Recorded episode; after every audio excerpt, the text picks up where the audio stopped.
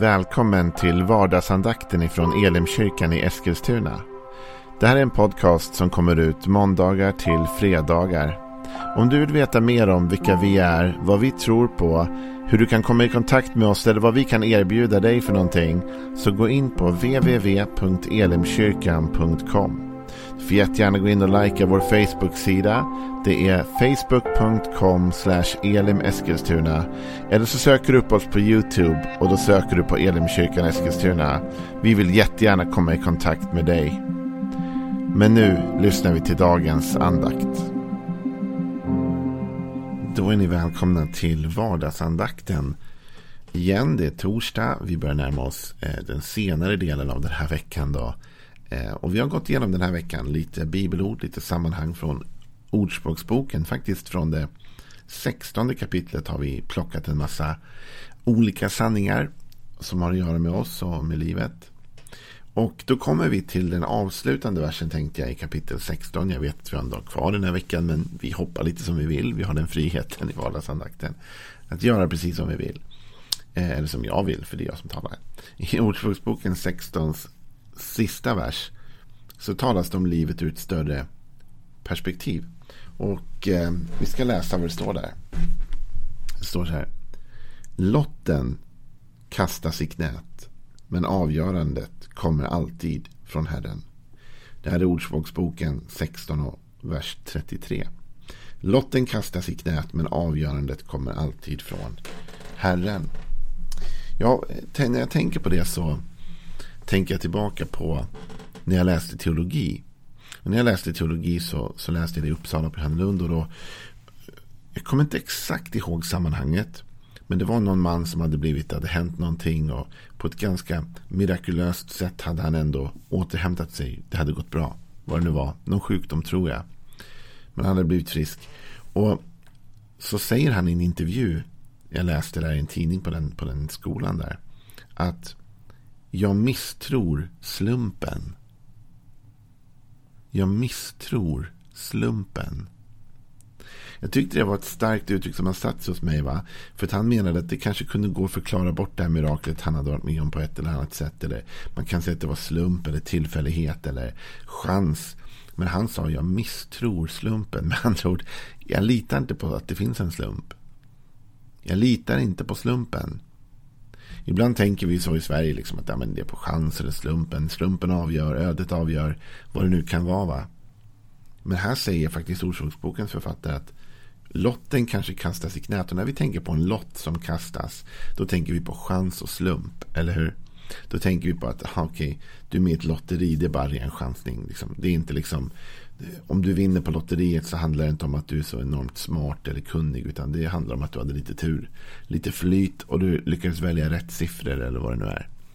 Det är slumpen, det är ödet som avgör. Men här säger Ordspråksbokens författare att även om lotten kastas så är beslutet alltid Herrens. Det här handlar såklart inte om eh, att spela på spel. Så nu har jag inte sagt att du ska gå och köpa lotter och säga Gud har det är Guds beslut att jag vinner. Det är inte det jag säger. Inte alls. Jag skrotar den idén.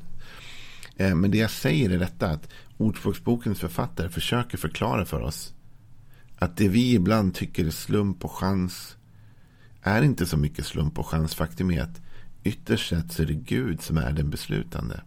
Det här går tillbaka till en så viktig paragraf i den kristna tron. Den kristna dogmatiken som handlar om Gud som allhärskare. Gud som den som faktiskt har all makt. Det innebär inte att han alltid fattar alla beslut. Han har överlåtit en del beslut till dig och mig. Han har gett oss en fri vilja. Men det innebär ändå att ytterst sett så kan han fatta alla beslut. Han har den yttersta makten att alltid bestämma. Att tillåta eller neka. Att öppna eller stänga. Gud sitter på den typen av kontroll för ditt liv. Och det där är väldigt positivt. Därför att du och jag kanske känner oss ibland hjälplösa, trötta. Vi känner att vi bara utlämnar åt slumpen och chansen. Och liksom. Men det är vi inte. Utan om vi lägger vårt liv i Guds hand så är Gud allsmäktig. Och han har möjlighet Beslutet är alltid hans. I slutändan finns det ingen som kan säga till Gud att han inte får. Eller att han inte kan. Utan Gud både kan och får göra precis vad han vill. Nu är den kristna tron ett samarbete med Gud.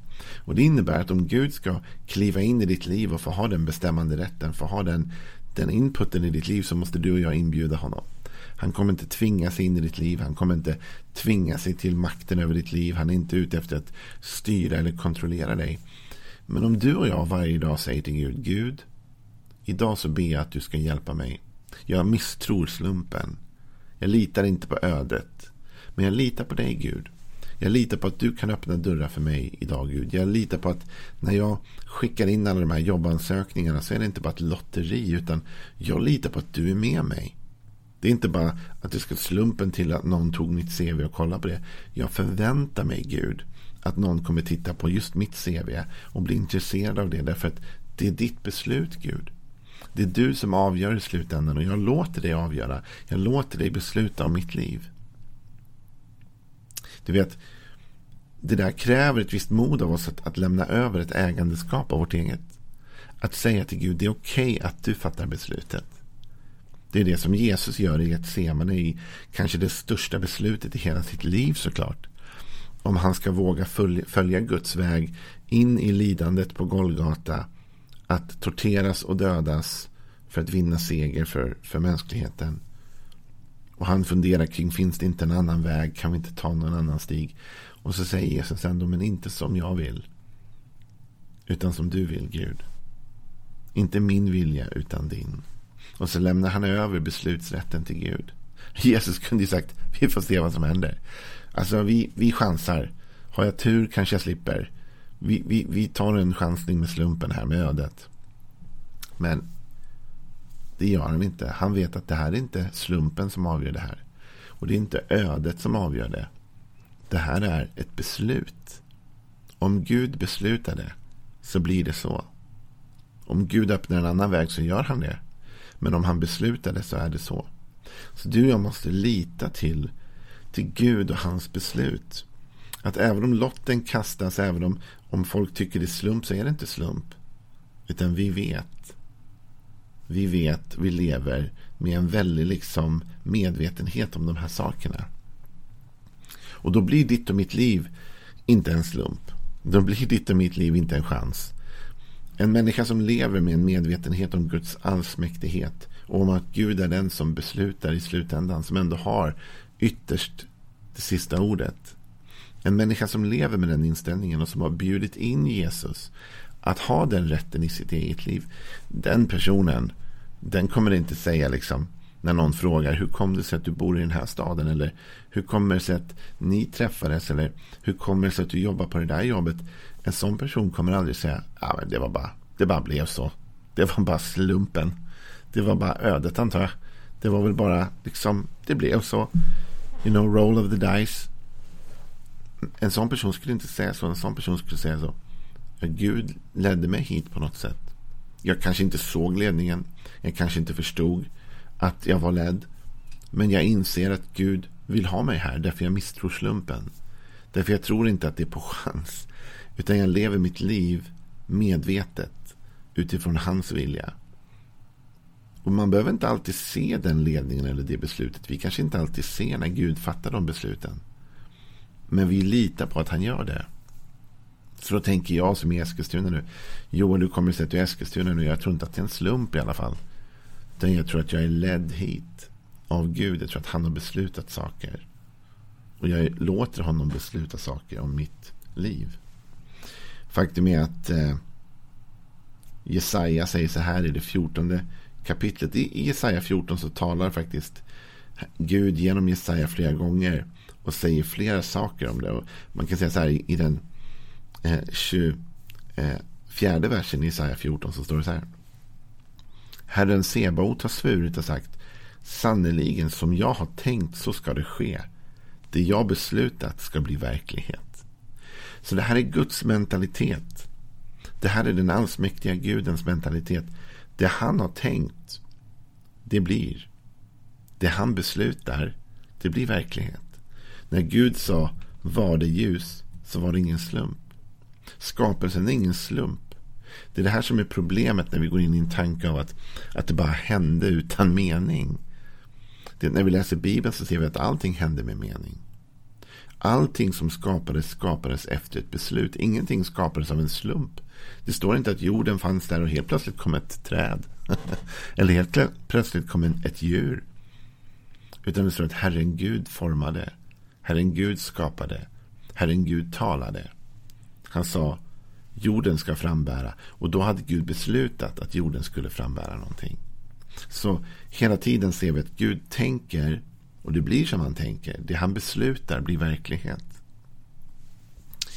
Han säger faktiskt i samma kapitel, några verser senare, bara tre verser senare, i Jesaja 14, så säger profeten så här. När Herren Sebaot har beslutat det, vem kan då göra det om intet? Hans hand är utsträckt, vem kan då hindra den?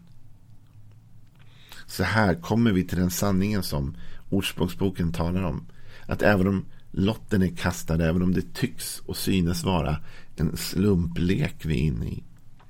Så säger Jesaja här att om Herren har beslutat det, vem kan då göra det om intet? Det finns ingen som kan vända upp och ner på hans beslut. Det finns ingen som kan hindra honom från att göra det han vill göra. Om hans hand är utsträckt, vem kan då hindra den? Och det där kan en del tycka är, känns läskigt eller hopplöst eller obehagligt. Vet du, jag tycker tvärtom.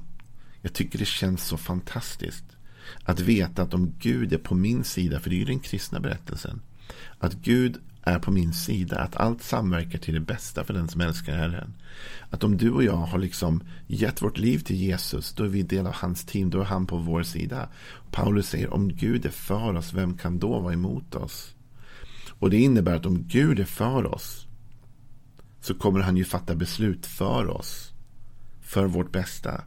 Och de beslut Gud fattar för oss kan ingen människa rubba på.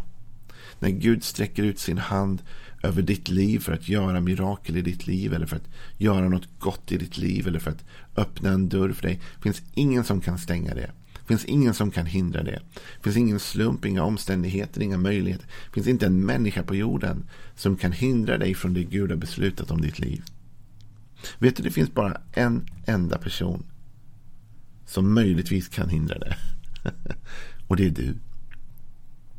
Det är om du under den processen säger men Gud jag vill inte. Det är om vi i den stunden när Jesus är i Getsemane. Det är om vi i den stunden när vi är i vårt Getsemane i livet. Om vi i den stunden säger Gud nu vill inte jag längre. Då kommer Gud respektera din vilja. För Gud är inte ute efter att knäcka din vilja. Utan han vill samarbeta med dig. Men om du säger jag vill inte Gud. Jag vill inte vandra din väg. Jag vill inte gå in i det du har tänkt för mig. Jag vill inte leva det liv som du har planerat. Jag vill leva mitt eget liv.